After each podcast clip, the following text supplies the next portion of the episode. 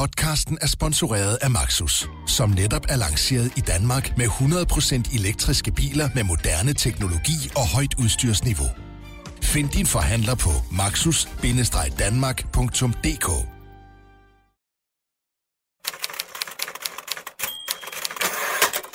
I løbet af lørdag den 10. marts 2018 indfinder en række unge sig i en lejlighed på Østerbro. Vejret er kedeligt, det er gråt, og om aftenen begynder det at regne en lille smule, og temperaturen er lige omkring frysepunktet. Men de unge skal feste, og de ved, at netop i denne lejlighed, så er der ikke nogen, der sætter grænser for dem. Her kan man drikke så meget man vil, man kan ryge hash og tage stoffer, uden nogen griber ind. Og at lejligheden bestemt ikke er et sted for børn, det afskrækker dem ikke. Der er tomme og halvtomme vodkaflasker, gamle cigaretpakker, der flyder, og en spand med opkast. Alt er fedtet ind i skidt og møg. I lejligheden bor 40-årige Nicoline. Nicoline er tidligere stofmisbruger og bruger metadon for at tage abstinenserne. Hun er også i lejligheden, hvor hendes 14-årige datter Liv også er sammen med sin jævnaldrende kæreste Markus. De har opholdt sig i lejligheden hele dagen.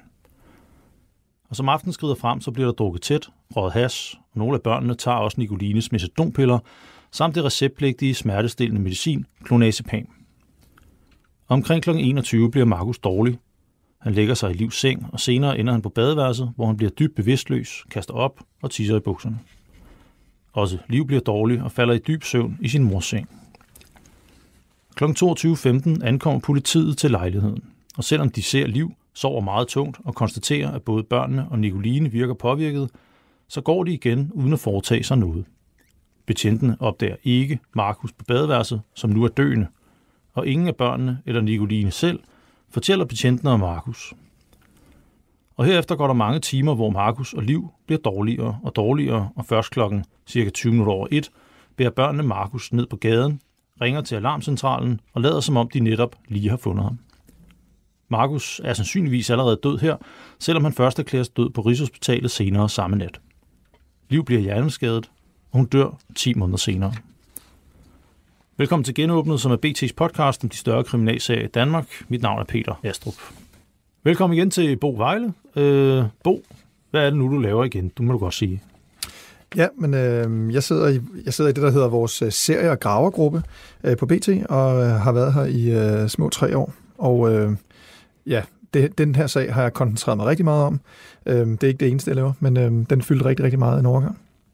Du sidder med den et helt år faktisk, on off, mens det har kørt op til retssagen. Ja, fra den, fra den, startede i, fra den startede i marts, altså den 10. marts, da det, kom, da det kom frem, at der havde været den her helt forfærdelige ulykke, og så frem til retssagen, hvor øh, der faldt dom. Og du tager med alle mulige kilder i den forbindelse, pårørende og ekspertkilder, alt den slags. Ja. Så du, det, det har simpelthen været din sag, øh, som vi jo også øh, etableret i første afsnit. Her i andet afsnit af, af, af podcasten, øh, der beskæftiger vi os lidt med, hvad Øh, ikke så meget hvad og, og hvordan tingene gik galt, men, men hvorfor det i virkeligheden øh, kom så langt ud. Det er jo svært at få, få, få svar på. Der er jo sket en masse svigt i, i denne her sag fra jamen nærmest næsten alle parter, der er involveret, øh, har en eller anden form for aktie i, hvor galt det gik med, med Markus og Liv. Øhm, til det her program, øh, genåbnet, kan jeg også lige skyde ind, genåbnet også et tv-program, som du kan se på BTDK, øh, gratis, som tager hele den her sag op i øh, fire afsnit. Der har vi blandt andet talt med Tanja, som var mor til Markus. Du var faktisk den første inde på BT, der, der talte med hende. Øh, hun har mistet sin dreng. Hvordan taler man med sådan en kilde i virkeligheden, uden at det må være en hård oplevelse? Øhm, ja, det er det også. Øhm, jeg tror, jo flere gange man gør det, jo, jo bedre bliver man til det. Ikke? Men altså, der, det går rimelig hurtigt i hvert fald op for en, at, at det, er nogle, øh, det er sådan nogle det er i hvert fald nogle helt særlige ting, man skal have for øje, når man, når man opererer med så skrøbelige kilder. Øhm, Tanja havde lige mistet sin søn, og alle, der har børn, øhm, og sikkert også mange andre, kan godt sætte sig ind i, hvor, hvor skrækkelig en, en tragedie det er, og hvor, øh, hvor hårdt prøvet man er. Og i det, i det, i det stadie der, det var jo, det var jo faktisk lige efter øhm, Markus var død, der har hun jo, hun var jo vildt fortvivlet, både over at miste sin søn, men også over, hvad der var sket. Hun vidste jo ikke, hvad der var sket. Hun vidste ikke engang, at Markus var i den der lejlighed. Og lige pludselig så banker det på døren, og så står der to betjente og fortæller, at hendes, øh, hendes dreng er død. Og, og hvordan, hvordan øh, behandler man øh, sådan en kilde. Øhm, altså det gør man jo selvfølgelig ved at være enormt, øhm, jamen, altså være enormt varsom. Øhm, og selvfølgelig kun øh, altså spørge hende selvfølgelig, om hun vil være med, om hun vil være med til at fortælle sin historie. Og hvis, hvis hun ikke vil være med, jamen så er det meget vigtigt at understrege, at, at så, så stopper man selvfølgelig der. Øhm, nogle gange så er der kilder, der har brug for også at, at fortælle deres historie og fortælle, øh, ja, eller ja, sætte lys på altså, deres side af sagen. Øh, og det ville øh, Tanja gerne. Og det var jeg vildt bæret øh, over, fordi det var en voldsom situation, hun stod i. Det var også lidt det samme med Nikolaj der var øh, far til liv, men som jo faktisk ikke havde forældremyndigheden. Altså Nicoline, der var mor til liv, øh, blev anholdt og kom igennem en retssag, og fik også to års øh, fængsel bagefter for at efterlade de her børn i hjælpeløs tilstand. Men han vil jo også gerne tale med os. Mm. Altså jeg oplever også nogle gange, når man, når, man, når man taler med nære pårørende til nogen, der har været udsat for et eller andet frygteligt, det kan være en ulykke, det kan også være en drabsag, eller noget i den retning, så, så er det tit som om, der enten vil de meget gerne tale, Øh, selvfølgelig på visse betingelser, man tager meget hensyn til dem, der er, men de vil gerne fortælle den historie, det er som om det hjælper dem. Og så er der nogen, de vil slet ikke. Mm. Der er aldrig den der, altså når man taler med ekspertkilder om andre ting eller andre oplevelser, så er det sådan lidt for imod, jeg skal lige tænke over det, eller ej, altså, det er bare min uvidenskabelige oplevelse, det er enten så er svaret afgjort ja, eller også så er det klart nej. Ja. Jeg ved ikke, hvorfor øh, det er sådan. Sådan, sådan har jeg oplevet det. Jeg ved ikke, om du har oplevet det samme. Jamen, jeg, jeg tror simpelthen bare, at det er, helt, altså, det er helt individuelt, hvordan du bearbejder sådan noget her. Og øh, ja, det er forhåbentlig kommer man aldrig ud for det, men, men det er jo... Altså, vi er, vi er alle sammen forskellige, og den måde, som Tanja øh, valgte at bearbejde det på, var måske også at, at komme af med nogle af de her ting. Altså tale med, tale om det øh, offentligt. Til at starte med stod hun ikke frem med navn og med billede. Øh, det, har hun, det er først noget, hun gjorde senere. Så, øh, så der talte hun jo lidt, lidt anonymt, men stadigvæk fik hun afløb for, for sine frustrationer og sine tanker. Det gik op for mig. Vi har jo talt med hende til, i forbindelse med tv-programmet, vi har lavet øh, om hele den her sag. Øh, og der gik det op for mig, jeg var nødt til at spørge hende om, hvad hun selv synes var hendes eget ansvar. Og der var, det var jeg meget bevidst om, da jeg skulle ud og tale med hende, så sige, her er en mor, som har været ude for noget fuldstændig frygteligt. Hun har mistet sin søn øh, på, på frygtelig fasong. Han, han, øh, han har fået en rift i milten, han har været udsat for vold, hans venner svigtede ham, kan man jo godt sige. De voksne, der var omkring ham, svigtede. Politiet svigtede, der var simpelthen ikke nogen, der taget sig af ham, da han havde brug for hjælp. Og så følte jeg jo også, at jeg et eller andet sted var nødt til som journalist at gå ud og sige til hende, har du selv haft et ansvar i det her? Hvordan er din søn endt i sådan en lejlighed herude? Og der tænker man jo også lidt som journalist, at jeg er dum svin, når jeg spørger om sådan noget. Øhm, man kan jo spørge på mange måder. Man kan jo være rigtig hård og aggressiv, som man normalt ville være, hvis, hvis man lavede et program med afslørende journalistik med nogen, der har taget kassen eller et eller andet. Men det var selvfølgelig ikke det, jeg gjorde. Men, men, men, men jeg synes også, nogle gange er det jo også øh, et spørgsmål, man stiller hensyn til den kilde, man har. Fordi at man måske gerne vil forklare, hvor var jeg selv henne, da der skete et eller andet. Det gør hun jo også jo. Mm. Hun, hun, hun, siger, at hun, var, hun siger i programmet, at hun i starten følte meget skyld, fordi hvad var det, der skal, hun, hun vidste ikke ret meget om, hvad der var sket. Nå. Og, og bagefter så kom hun så til en, en erkendelse af, at hun mener ikke, hun kunne have gjort noget. Hun havde sagt til Markus, som jo var 14 år, egen råd i teenager, som mange teenager jo er den alder, han måtte ikke være derude i livs lejlighed, eller livs mors lejlighed. Det var forbudt for børn. Øh, det var et farligt sted at være, ikke et godt sted at være for ham. Og på grund af, at han jo som store drenge har en kæreste, som de godt kan lide, så var det sket alligevel. Og så var der måske sket nogle ting, som var uhensigtsmæssige. Og så er hun så kommet overens med sin egen rolle i det. Mm. Men, jeg, øhm. men jeg tror også, i, for, i forlængelse af det der, som journalist, der stiller man jo også det spørgsmål, fordi det er jo et, det er jo et, det er et åbent spørgsmål, som mange lyttere øh, eller læsere måske vil sidde med selv, ikke? Jo. Altså, hvor, hvorfor, hvordan kunne du tillade, eller hvorfor gjorde du ikke mere, eller hvad, hvad, hvad gjorde du reelt set for at, for at forhindre, at din søn øh, ikke var i den lejlighed? Og så, så spørgsmålet er jo reelt nok, og det kan være ekstremt svært at stille, fordi at det netop, altså Tanja har betalt den højeste pris her, mm. men, men spørgsmålet er reelt, og, og Tanja får også mulighed for at svare på det, og det gør hun jo også, som du lige var inde på. Jeg spørger også Nikolaj om det i programmet, som er far til liv, øh, som jo netop siger, at han har dårlig samvittighed over nogle af de ting, der er sket. Nikolaj har jo, det lægger han ikke skjult på, han har jo selv levet et, øh, et hårdt liv, han har haft en kriminel løbbane, han har også brugt stoffer tidligere. Øh, han har fået rettet meget op på sit liv. Han har fast job nu, som han passer. Øh, vi ved, at arbejdsgiveren er glad for ham, øh, det sted, han er. Øh, og han siger, at han var jo ulykkelig, for han kunne se, at Liv havde det skidt, og Liv var der hos moren, og det var ikke et sted for børn, og han ville have nærmest have bortført hende. Ikke? Mm. Øhm, så på den måde er, er han jo, jo, jo, jo ked af det, og, og føler bare, at jeg kunne have gjort noget. Det sidder han jo stadig med. Det er en, det er en hård ting at sidde med. Øhm, politiet, Københavns politi, som jo var i lejligheden, har i vores artikler og andet steds fra også øh, været udsat for en voldsom kritik, og vi ved, der er en øh, sag i det, der hedder den uafhængige politiklagemyndighed. Det er et øh, organ, kan man sige, som ja, et kontrolorgan, ja. kontrol, kontrolorgan, som hver gang, at politiet gør et eller andet, øh, som er forkert, eller i hvert fald kan, kan betyde, som de har handlet rigtigt, så går der en sag i gang. Jeg tror, som standard for eksempel, hvis de affyrer deres våben, øh, så går der altid en sag i gang, for man undersøger, om det var rigtigt, for eksempel. Og så er der en sag som denne her, øh, hvor man øh, stadigvæk er ved, sagen er, er ikke færdig endnu, hvor man undersøger, om, om de har handlet rigtigt. Ja, altså de to betjente, der var i lejligheden. De to betjente, der var i lejligheden, der er nemlig en, øh, en sag mod den. Og hvis vi lige skal genoprise, hvad det er, der sker, øh, Bo, hvad er det så for nogle punkter, som de er under kritik for? Ja, de, politiet bliver kaldt til lejligheden på Østerbro kl. 22, omkring kl. 2, ja, jeg ved faktisk ikke, hvornår det er, men de ankommer i hvert fald til lejligheden kl. 22.15 mm. for at hente en ung dreng, der er øh, i lejligheden, som er blevet øh, meldt øh, savnet øh, eller efterlyst af sin far. Faren har ringet til politiet og sagt, at øh, drengen højst sandsynligt er der. Og politiet tropper så op i lejligheden og øh, ringer på og kommer ind og kan konstatere, at Nicoline, som bor i lejligheden, øh, ser påvirket ud. De kan også konstatere, at de unge mennesker, der er i lejligheden, som alle er mellem 14 og 18 år, også ser påvirket ud. Og de kan konstatere, at på, på, øh, på, på bordene står der halvtomme og heltomme vodkaflasker. Der er en spand med kast op i. Øh, der er øh, uhumsk. Øh, der er øh, altså, øh, ja, ikke gjort rent ude i køkkenet osv.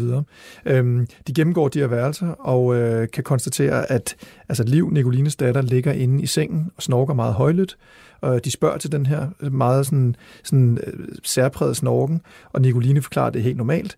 Og så gennemgår de ligesom alle værelser i lejligheden, skriver de i den efterfølgende rapport. Mm.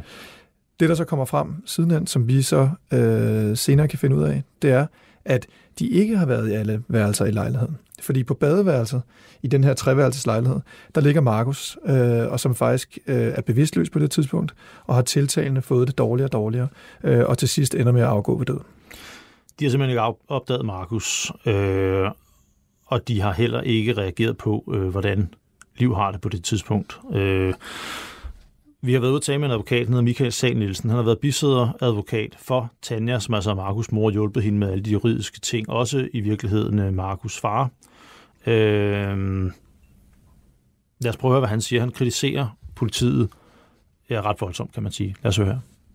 Har du oplevet et lignende politisvigt nogensinde som advokat? Øh, nu skal udgangspunkt sige, at politiet efter min opfattelse normalt øh, opfører sig pænt og ordentligt og gør et godt stykke arbejde. Men det her, det er efter min opfattelse et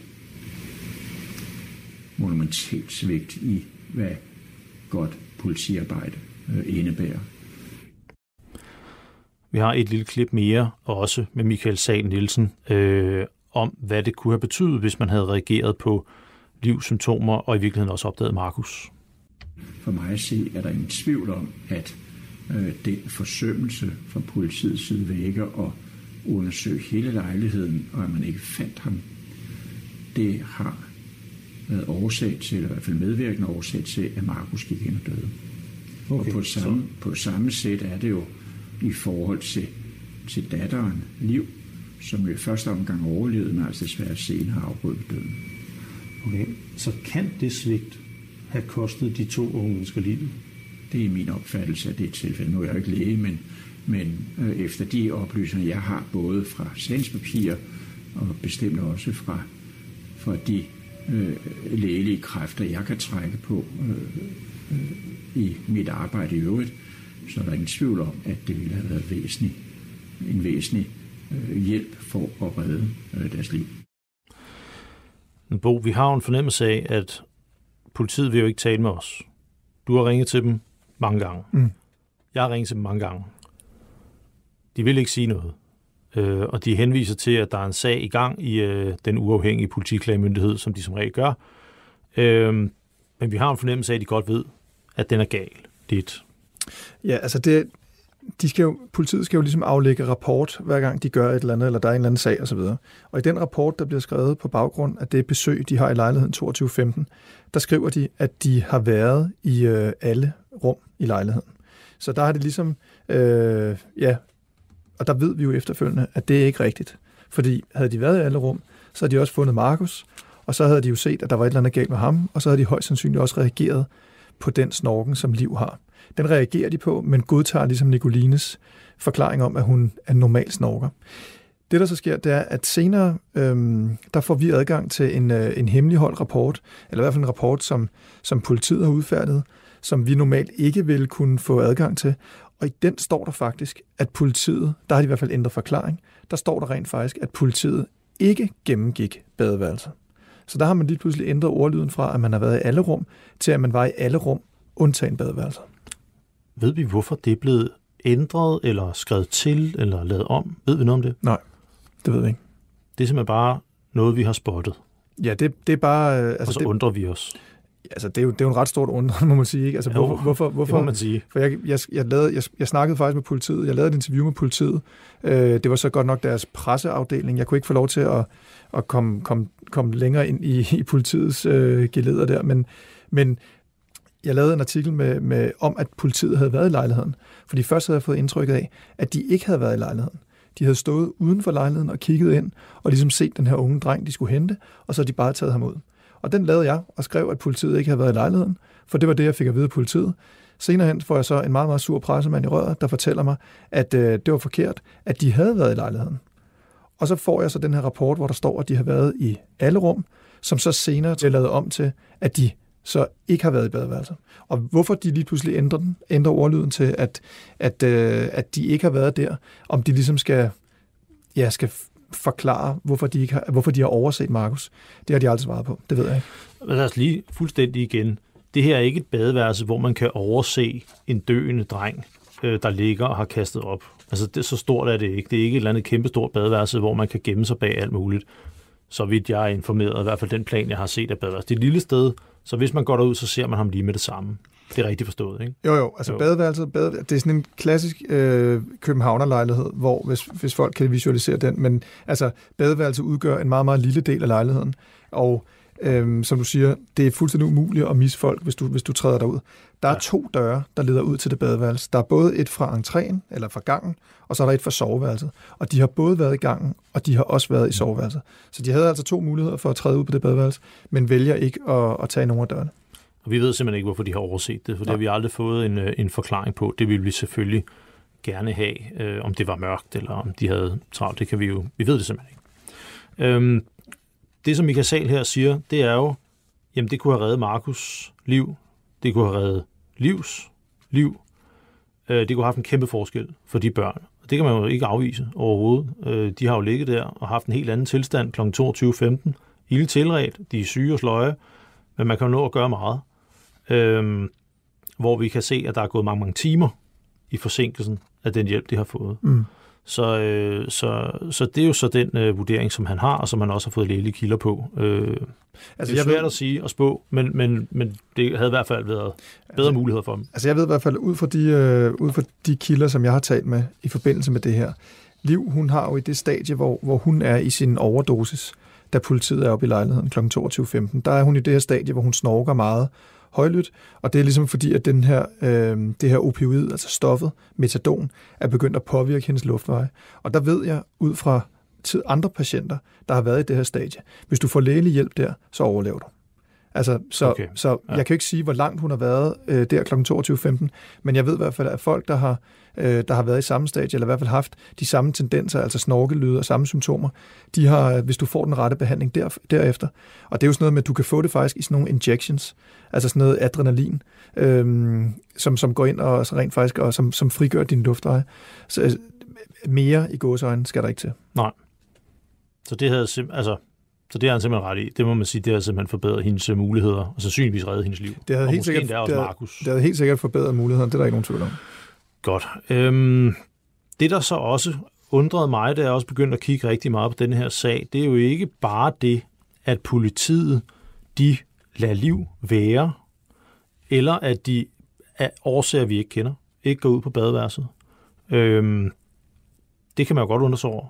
Men der er også bare det der, hvor jeg som far for eksempel sidder og tænker, man går ind i en lejlighed, man ved, der bor en stofmisbruger, tidligere stofmisbruger, en der i hvert fald har nogle problemer, man ser børn, der er påvirket, jeg er ikke klar over, om politiet ved, om det er, der er has øh, involveret, eller om det er alkohol, men de noterer sig i hvert fald, at der er påvirket børn til stede. Øh, og en af dem i hvert fald er øh, dejset om, ikke? i en eller anden, om de så undervurderer, hvor farligt det er.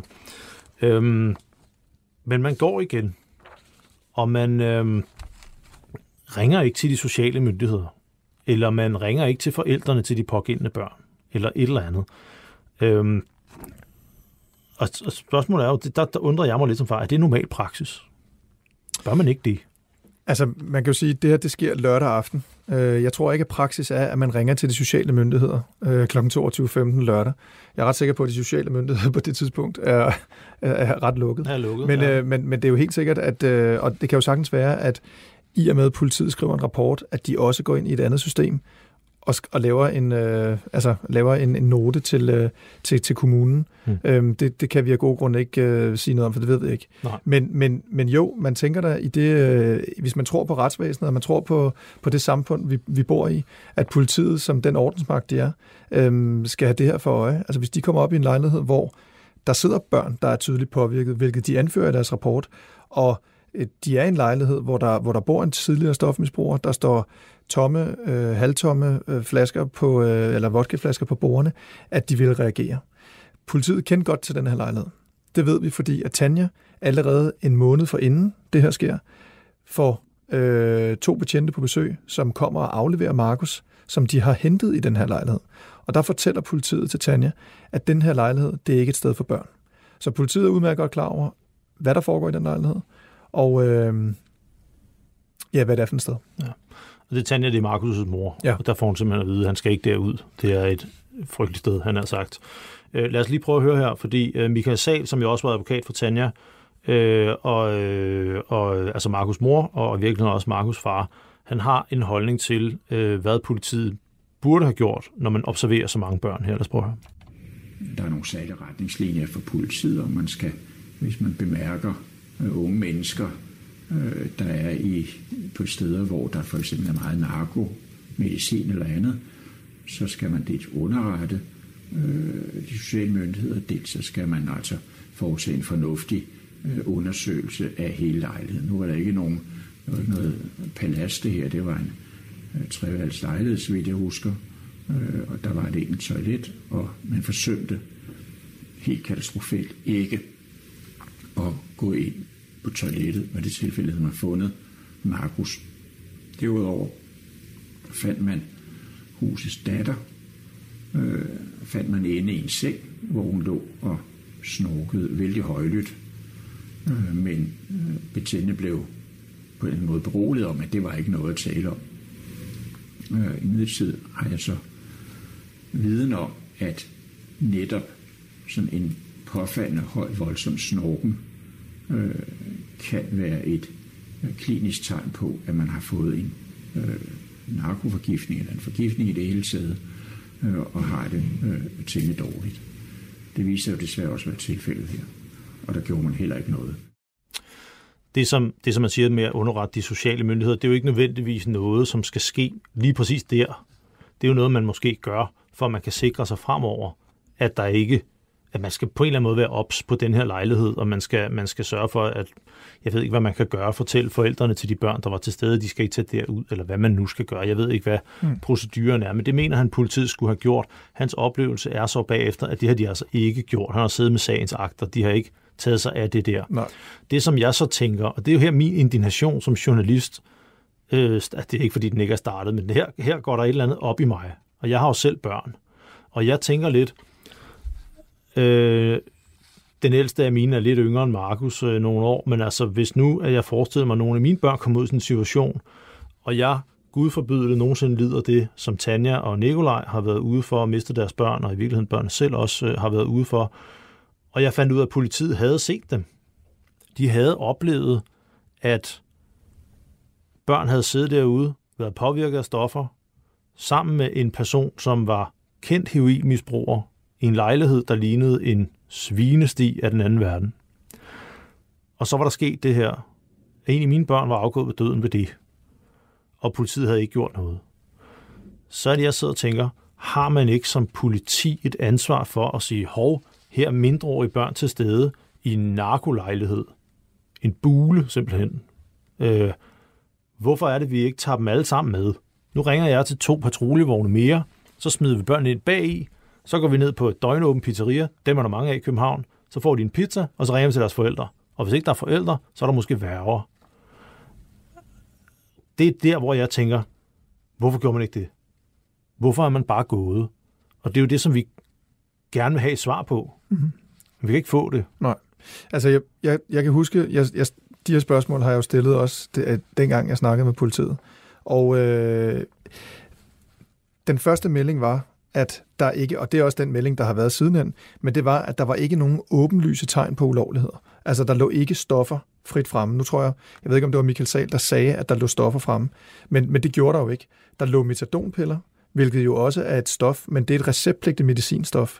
Øh, der var ikke et tegn på hash øh, eller, eller, eller andre øh, former for altså så ecstasy og de andre ting, som, som et liv i hvert fald også havde indtaget.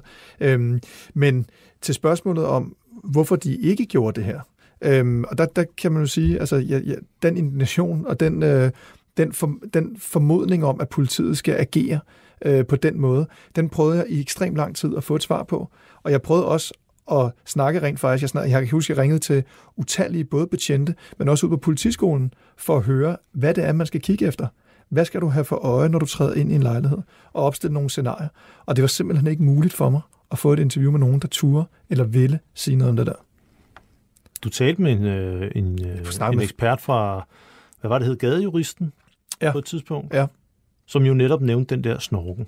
Ja, ja, altså det var, jeg snakkede med en, øh, en ja, det, det var ikke fra gadejuristen, men det er en, det er en sygeplejerske, Nej, okay. en sygeplejerske, som har været, hun har været sygeplejerske på Vesterbro omkring Istegade og Halmtorvet og Maria Kirken i øh, over 20 år. Ja, det er rigtigt, det var sådan, og, det var. Og hun, er, altså, hun, hun har jo set øh, den ene opioid overdosis efter den anden. Og hun er, bliver ligesom tilkaldt, hvis der er en overdosis, og så, så behandler de så folk øh, øh, tilbage til livet, kan man sige. Og øh, det er hende, der siger, at de her eksempler, eller de her symptomer, som Liv havde, da hun begyndte at snorke, som myndighedsperson, altså som politimand, der skal du kunne, der skal du kunne se, hvad det her det er. Øhm, de er i hvert fald trænet til det, og de er i hvert fald uddannet til det. Og øh, hvis du træder ind, hun kan jo ikke sige noget om, hvad de ellers skal kigge på, for hun er ikke politiuddannet. Men hun siger lige præcis med det der, som Michael Sal også siger, den kliniske, øhm, det kliniske bevis på, at hun ligesom var i gang med den her overdosis, jamen det er altså noget, de skal, de skal pick op på, ja. så at sige det er også vigtigt at sige, at vi var jo ikke i den lejlighed. Vi har jo ikke set det, som de betjente Nej. de ser. Men, men, men det er jo stadigvæk bare spørgsmålet, hvorfor tog I ikke de her børn med? Mm. Det vil man jo gerne have et rigtigt svar på. Og det kan, må vi bare konstatere, at det får vi simpelthen ikke rigtigt. Øh, måske når sagen er afsluttet i den uafhængige politiklagemyndighed, men ofte så sker der det, at nu, så siger politiet, at nu skal vi ikke snakke mere om det, fordi mm. nu er den sag færdig. Ikke? Ja, typisk er der også en, typisk er der også en, en, sådan en, en, en grundsætning om, at du kan ikke, du kan ikke kommentere verserende sager, og du kan heller ikke kommentere afsluttede sager. Nej. Så hvad kan du, du kan ikke rigtig kommentere noget som helst. Mm. Øh, det er svært. Øhm, jeg ved, Michael Sal øh, Nielsen, øh, som jo netop var advokat for Tanja, han har også, efter alt det her, så har han også øh, kigget på den efterforskning, som politiet har øh, gjort sig i forbindelse med den her tragiske aften. Øh, det var sådan, der var en 16-årig dreng, som øh, han er nu fyldt 18, men han var 16-årig på det tidspunkt. Han var mistænkt øh, for uaksom manddrab på Markus. Øh, Markus havde pådraget sig kvæstelser, som sandsynligvis, sandsynligvis kan være skabt af vold, men det kan også ske ved fald eller ulykker. Øhm, men for at komme det nærmere, så har det jo selvfølgelig været vigtigt øh, at efterforske, hvad skete der egentlig i lejligheden op til. Og der mener Michael Sal øh, Nielsen, at man har glemt nogle meget vigtige ting. Lad os prøve at høre her, hvad han siger til det. Så er det spørgsmål om efterforskningen, og det er for mig at se mindst lige så vigtigt. Man har nemlig, her har man jo forsøgt øh, dels at undersøge de spor, som var eller kunne findes, og dels har man ikke til synligheden af den ene eller anden grund, jeg kender ikke hvorfor, har man ikke ønsket en nærmere undersøgelse øh, af, hvordan blev Markus behandlet i tiden op til han døde. Man kan jo selvfølgelig godt sige, at man har jo også spurgt mange kilder om, hvad der skete med Markus i tiden op til. Men hvis man skal uddybe lidt, hvad han siger, så siger han noget om, at børnene jo havde telefonerne. Og der skete det, at børnene slettede deres telefonhistorik umiddelbart efter den her aften. Øhm, det kommer her. Det eneste, man gjorde, det var konstateret, at mange børn slettede deres telefoner, øh, eller i hvert fald deres, deres historikker. Mm. Øh, og det vil sige, at politiet har ikke gjort noget for at genskabe det. Det vil sige, at hvis man havde haft børnenes telefoner, så kunne det jo være, vi ved det ikke, fordi historikken er slettet, der kunne være sendt mange beskeder eksternt ud, der kunne være taget billeder, der kunne være gjort rigtig, rigtig meget. Det man har rekvireret til gengæld, det var et offentligt opslag på Snapchat, hvor der stod noget i retning af, at det er sådan, vi dræber folk her, Østerbro gangsterstyle, og der var også sendt sms'er ud af huset til en person, som skulle have været forbi med en øh, sort Toyota og simpelthen fragte Markus væk, hvor man skrev tag den nu og sådan noget med store bogstaver. Man ved, der har været ringet 11 gange, og der har været. Så man ved jo noget, men der var mange telefoner, som måske kunne have bidraget med mere viden. Øh, det har man altså, øh, mener Michael Sal jo haft mulighed for at rekvirere, men ikke gjort noget ud af. Der er et klip mere her med ham, øh, øh, hvor han netop taler om den her sorte Toyota, som skulle have fjernet Markus, og han mener ikke, man, man ved nok om det. Man øh, snakkede om en sort Toyota, øh, som man ville prøve at skaffe, og havde hørt om, den ville komme og hente Markus. Men inden det skete, så blev de altså, kan man sige, opdaget, hvis man bruger det udtryk, af den her taxichauffør, øh, efter de var kommet ned på gaden, øh, så de kunne altså ikke aflevere øh, Markus eller Markus' lig til føreren af den her øh, sorte Toyota, men de, øh, han kom jo så på hospitalet, hvor man konstaterede, at han var død. Alle de her ting har politiet ikke efterforsket. Det har de bestemt ikke. De har slet ikke efterforsket det. Ikke meget bekendt i hvert fald. Altså, jeg, jeg tror nogle gange, man tænker lidt som journalist, særligt den her oplysning med børnenes telefonhistorik. Øh, der vil jeg som journalist, vi er jo også lidt nogle gange nogle efterforskere på en eller anden måde, der tænker man, det er mærkeligt, at de sletter al den historik. Særligt en sag, hvor man på det tidspunkt har en øh, jeg ved faktisk ikke en berettet tiltale, men i hvert fald en mistanke om uaksom manddrab øh, mod en af de omkomne. Hvorfor genskaber man ikke de mobiltelefoner? Det havde man jo åbenbart ifølge Michael Sal muligheden for. Øh, men det kan vi heller ikke få noget svar på rigtigt. Nej, det kan vi ikke. Øhm, der kunne jo stå alle mulige ting. Der kunne stå detaljer om den øh, mulige vold, der har været udført mod Markus. Der kunne være flere detaljer om Nicolines rolle. Øh, hvad har hun sagt, hvad har hun gjort? Øh, der kunne være alle mulige spændende ting.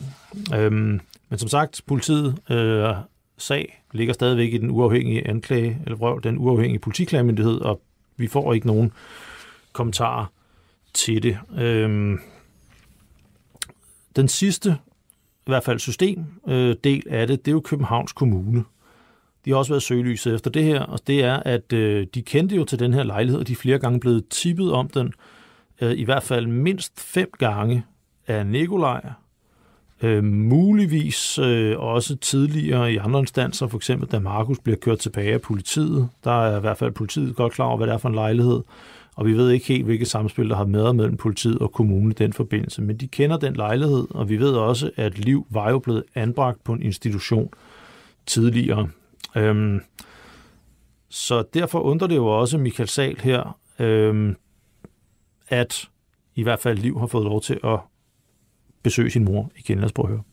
Jeg har en har undret mig over, at Liv får lov at vende tilbage til sin mors lejlighed, hvor hun ved eller bør vide, at der er mængder af øh, medicin til stede. Det forstår jeg simpelthen ikke. Og at det var jo sådan, at børnene brugte jo den lejlighed, har jeg forstået, til som en form for samlingspunkt, når de ikke skulle være under deres egne forældres øh, øh, strenge bevågenhed. Så det, på den måde kan man sige, at, at kommunen har antageligvis ikke gjort øh, det optimale her. Der vil jeg selvfølgelig gerne lige spørge dig, når du hører ham sige det her. Han mener ikke, at kommunen har gjort det optimale. Han undrer sig over, at liv øh, får lov til at tage derud. Hvis man skal være helt fair over for kommunen, er det også noget, der undrer dig? Det gjorde det jo dengang. Altså det undrede mig jo helt klart, hvorfor, hvorfor Liv øh, ikke var på den institution, hvor hun var blevet anbragt. Hun var blevet anbragt nogle måneder forinden, men lige pludselig var i den her lejlighed, hvor kommunen jo ligesom havde hævet hende ud fra, øhm, fordi de mente, at, øh, at det var ikke sundt for hende at være der. Den her institution, det er jo ikke en, det er jo ikke en psykiatrisk lukket afdeling, hvor der er lås, øh, hvor der er lås på døren udefra. Altså, jeg ved ikke. Jeg har forsøgt at få et, øh, både jeg har forsøgt at få et interview med kommunen mange gange, jeg har også forsøgt at få et interview med den her pågældende institution. Øhm, det kan ikke lade sig gøre. Så jeg har ikke kunne stille de spørgsmål, hvor, hvad man gør for ligesom at holde på, på, på, øh, på de mennesker, som ligesom, eller de unge mennesker, som, som, er blevet, øhm, som er blevet anbragt der. Så det kan jeg simpelthen ikke sige. Så jeg ved ikke, det kan jo sagtens være, at de har gjort både meget eller, eller mindre for at gøre det her. Så jeg, jeg, jeg synes faktisk, det er svært at svare på, på den kritik, som Michael Sal kom med her. Det er jo også fordi, at vi kan jo godt konstatere, at Liv var anbragt. Men hun kunne også godt forlade stedet.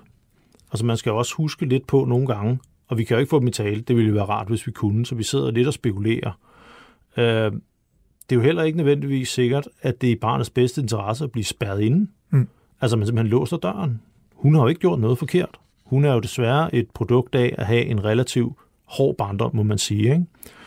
Øhm, det, som måske skærper det lidt for kommunens ansvar, synes jeg, det er, at vi ved jo, at Liv sov i lejligheden. Hun har i hvert fald været væk, du ved ikke bare nogle timer, men i hvert fald en dag. Jeg tror også mere. Jeg tror mere end en dag. Ja. Jeg tror, ja. jeg tror faktisk, Markus og Liv var også i lejligheden øh, hele fredag.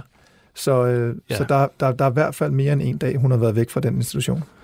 Og det er jo så der, hvor man kan sige, hvor er det liv af hende, hvis hun er blevet anbragt. Hun er jo netop blevet anbragt, fordi at det miljø, hun allerede var i, var jo problematisk for hende. Så det vil vi jo gerne spørge om. Det kan vi desværre ikke, øh, og vi ved jo også, at de var advaret mange gange. Altså, jeg, jeg har forsøgt at få, få aktindsigt i, øh, i Livs sag, og øh, det var jo sådan så, at Livs, øh, det var Livs mor, der havde forældremyndighed, altså fuld forældremyndighed over Liv. Så hvis man skal søge agtindsigt i sådan noget her, så kræver det jo en, øh, en samtykkeerklæring fra, fra den øh, person, som ligesom har myndighed over, over vedkommende. Og øh, jeg forsøgte igennem øh, Nikolaj, at han kunne søge en agtindsigt, eller han søgte en agtindsigt i, i sagen, men, men, men fik simpelthen kun nogle ting, fordi han ikke har forældremyndigheden. Og de ting, som jeg har fået, eller de akter, som jeg har set, som han kan få adgang til. Meget af det er jo overstreget, hvilket jo i bund og grund også er lidt mærkeligt med tanke på, at han er biologisk far til ja. den her pige. Han har ikke myndigheden, forældremyndigheden. Nej, og derfor kan han ikke få lov til at se, hvad der står om, om sin egen datter. Men, øhm, men, men ud fra de ting, øh, ud fra de akter, som jeg har fået adgang til, der står der, at, øh, at man i hvert fald fem gange, som du også var på, øh, inde på tidligere, i hvert fald fem gange har underrettet kommunen om det her. Altså, at lejligheden er et skidt sted, at øh, Liv øh, hun bliver udsat for nogle ting, som en, en, en, et barn bestemt ikke skal. Så kommunen var godt klar over, at der var øh, at, der, at der skete nogle, nogle lidt øh, dårlige ting.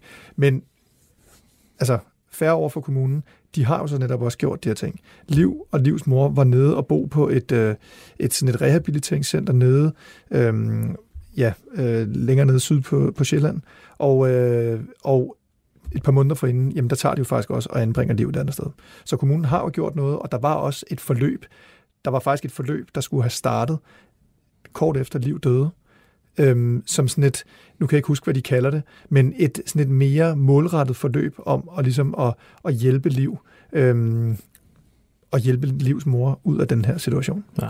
Vi har også talt med en af Livs øh, rigtig gode veninder, der er et par år ældre end hende øh, i vores øh, program, som jo også siger, at Liv var på mange måder ked af den tilværelse, hun var i. Hun ville gerne komme videre, hun ville gerne gøre mere ud af sin skole, ved hun har været fraværende fra skole meget, øh, hun ville gerne komme på ret køl igen. Hun havde en vilje til det. Øh, måske var hun, hun er 14 år, måske manglede hun lidt værktøjerne og modenheden for at komme det øh, videre, men det ville hun i hvert fald gerne. Her til sidst, så synes jeg, og det er jo ikke noget, man, man nogle spørgsmål, man bare kan rette øh, til, til en ekspertkilde på en eller anden måde, om hvad har politiet gjort, og hvad har kommunen gjort osv. Men, men, men sådan rent menneskeligt, og også som journalist, så synes jeg, at jeg sidder tilbage med det største svigt, som jo, øh, ja, som også var hos Nicoline selvfølgelig, men, men også hos de venner, børn, som var deroppe, øh, som jeg stadigvæk, når jeg sidder og tænker, at, at jeg ved ikke, hvordan jeg ville blive mig selv igen, hvis jeg selv, Gud forbyde, havde været ude for sådan noget. Fordi jeg tror, der er mange forældre, som tænker, det er i hvert fald nogle gange, jeg har spurgt øh, andre kilder, øh, og også alle mulige mennesker, jeg kender, bare sidde og sige, jamen er du ikke bange for det, når din teenager går i byen? Når din teenager på 13, 14, 15, 16, 17 år går, går afsted i byen, går ud og drikker sig fuld og laver, hvad man nu gør, øh, lige inden voksenlidelsen rigtig begynder. Øhm, og jo, og så er der mange, der bare siger, men jeg er glad for, at de tager afsted alle sammen. Fordi så hvis der sker et eller andet med min søn, med min datter eller et eller andet, jamen så ved jeg, at de holder sammen. Jeg ved, at de passer på hinanden, og de er der for hinanden. Og det tror jeg også er rigtig langt det meste af vejen. Men man må bare erkende, at det er jo langt fra det, der er sket her. Ja, der, altså, der, har, der er jo ingen, øh, desværre, der har reageret på, at Markus, øh, i særdeleshed Markus, altså man kan jo sige, at liv ligger og sover, og den her meget sådan, højlytte snorken.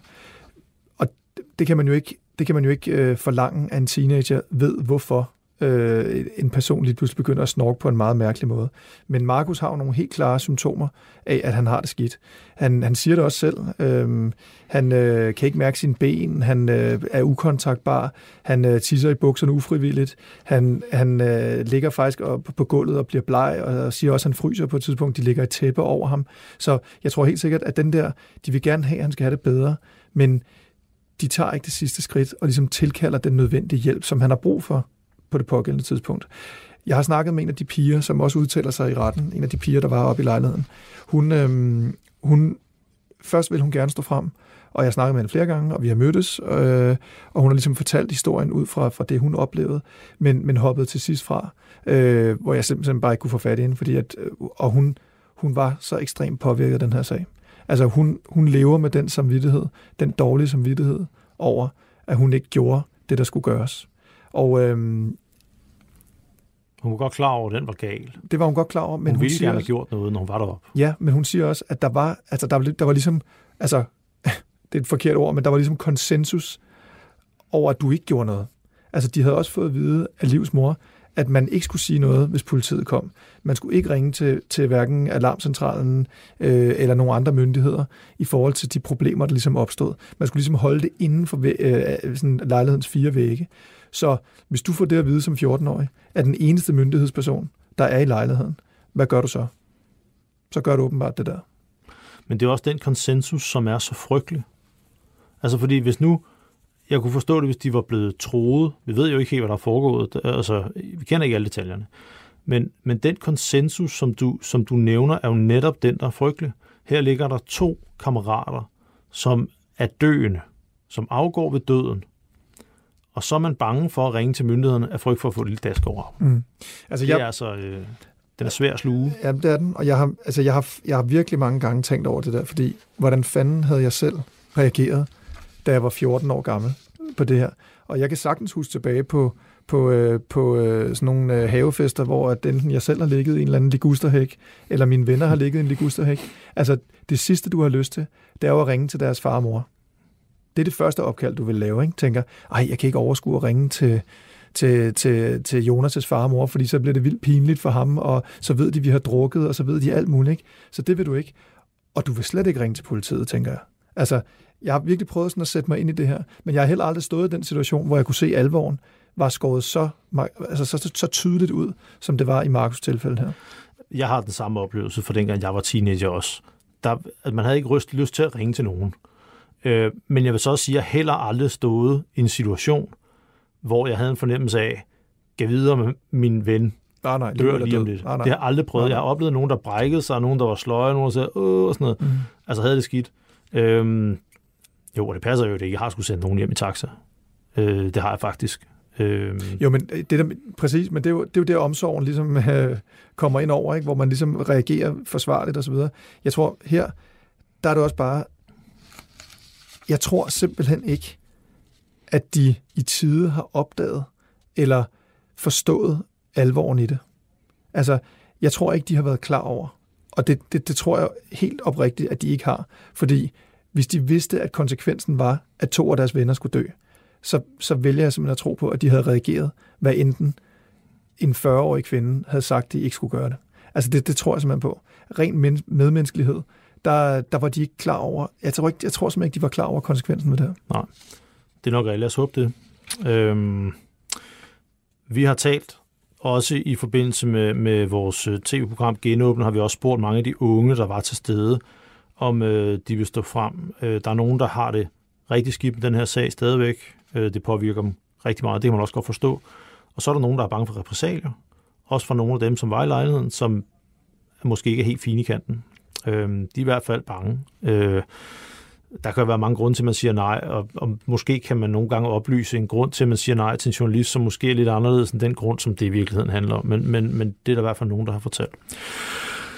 Vi skal også lige sige at til sidst, vi har sagt det før, vi har spurgt politiet skille gange, om de vil være med i den her sag. Det har de sagt nej til, fordi sagen foreligger stadigvæk hos den uafhængige politiklagemyndighed. Øhm, og vi ved ikke, hvor lang tid helt den kører nu. Københavns Kommune har også sagt nej til at medvirke. De siger, at der er tale om personfølsomme oplysninger, så det kan vi ikke få noget svar på. Tror du nogensinde, vi får tilfredsstillende svar fra nogle af de her myndigheder? Altså, jeg, jeg ser meget frem til den afgørelse, som, øh, som, øh, som DUP, altså den uafhængige politiklagemyndighed, kommer, kommer frem til. Øh, den har været meget lang tid undervejs, og øh, jeg ved faktisk ikke, dengang, hvor det kom frem, at der var op, altså de, havde, de ville kigge på sagen, der, der spurgte jeg til, hvor lang tid sådan noget typisk tager. Og der sagde han øh, til mig, at det kunne tage alt fra ja, inden for tre til seks måneder. Og nu er der jo gået øh, over et år. Ikke? Så, det er gået over 18 måneder, ikke? Ja, ja det er det præcis. Der er gået rigtig lang tid. Okay. Så, så hvad enten, altså om det er fordi, at øh, der simpelthen er så meget, der skal kigges på, eller at den, den ligger nederst i bunken, det ved jeg ikke. Man skulle tro, det ikke tog så lang tid at opklare. Altså til kvæg, der har været en retssag. Men altså, nu får vi se. Er det jo en, en, en, en rapport, vi får adgang til? Øh, det tror jeg godt, man kan. Godt. Du har lyttet til Genåbnet. Øh, programmet er slut nu. Genåbnet er BT's podcast om nogle af de større kriminalsager, som vi har i Danmark. Jeg skal også lige sige en gang til, at tv-programmet Genåbnet kan du se gratis på BT.dk, og du kan også naturligvis læse hele vores bagkatalog. Vi har rigtig, rigtig mange artikler om den her sag, som I ser øh, Bo Vejle skrev om på det tidspunkt. Og på genhør næste gang. Jeg hedder Peter Astrup.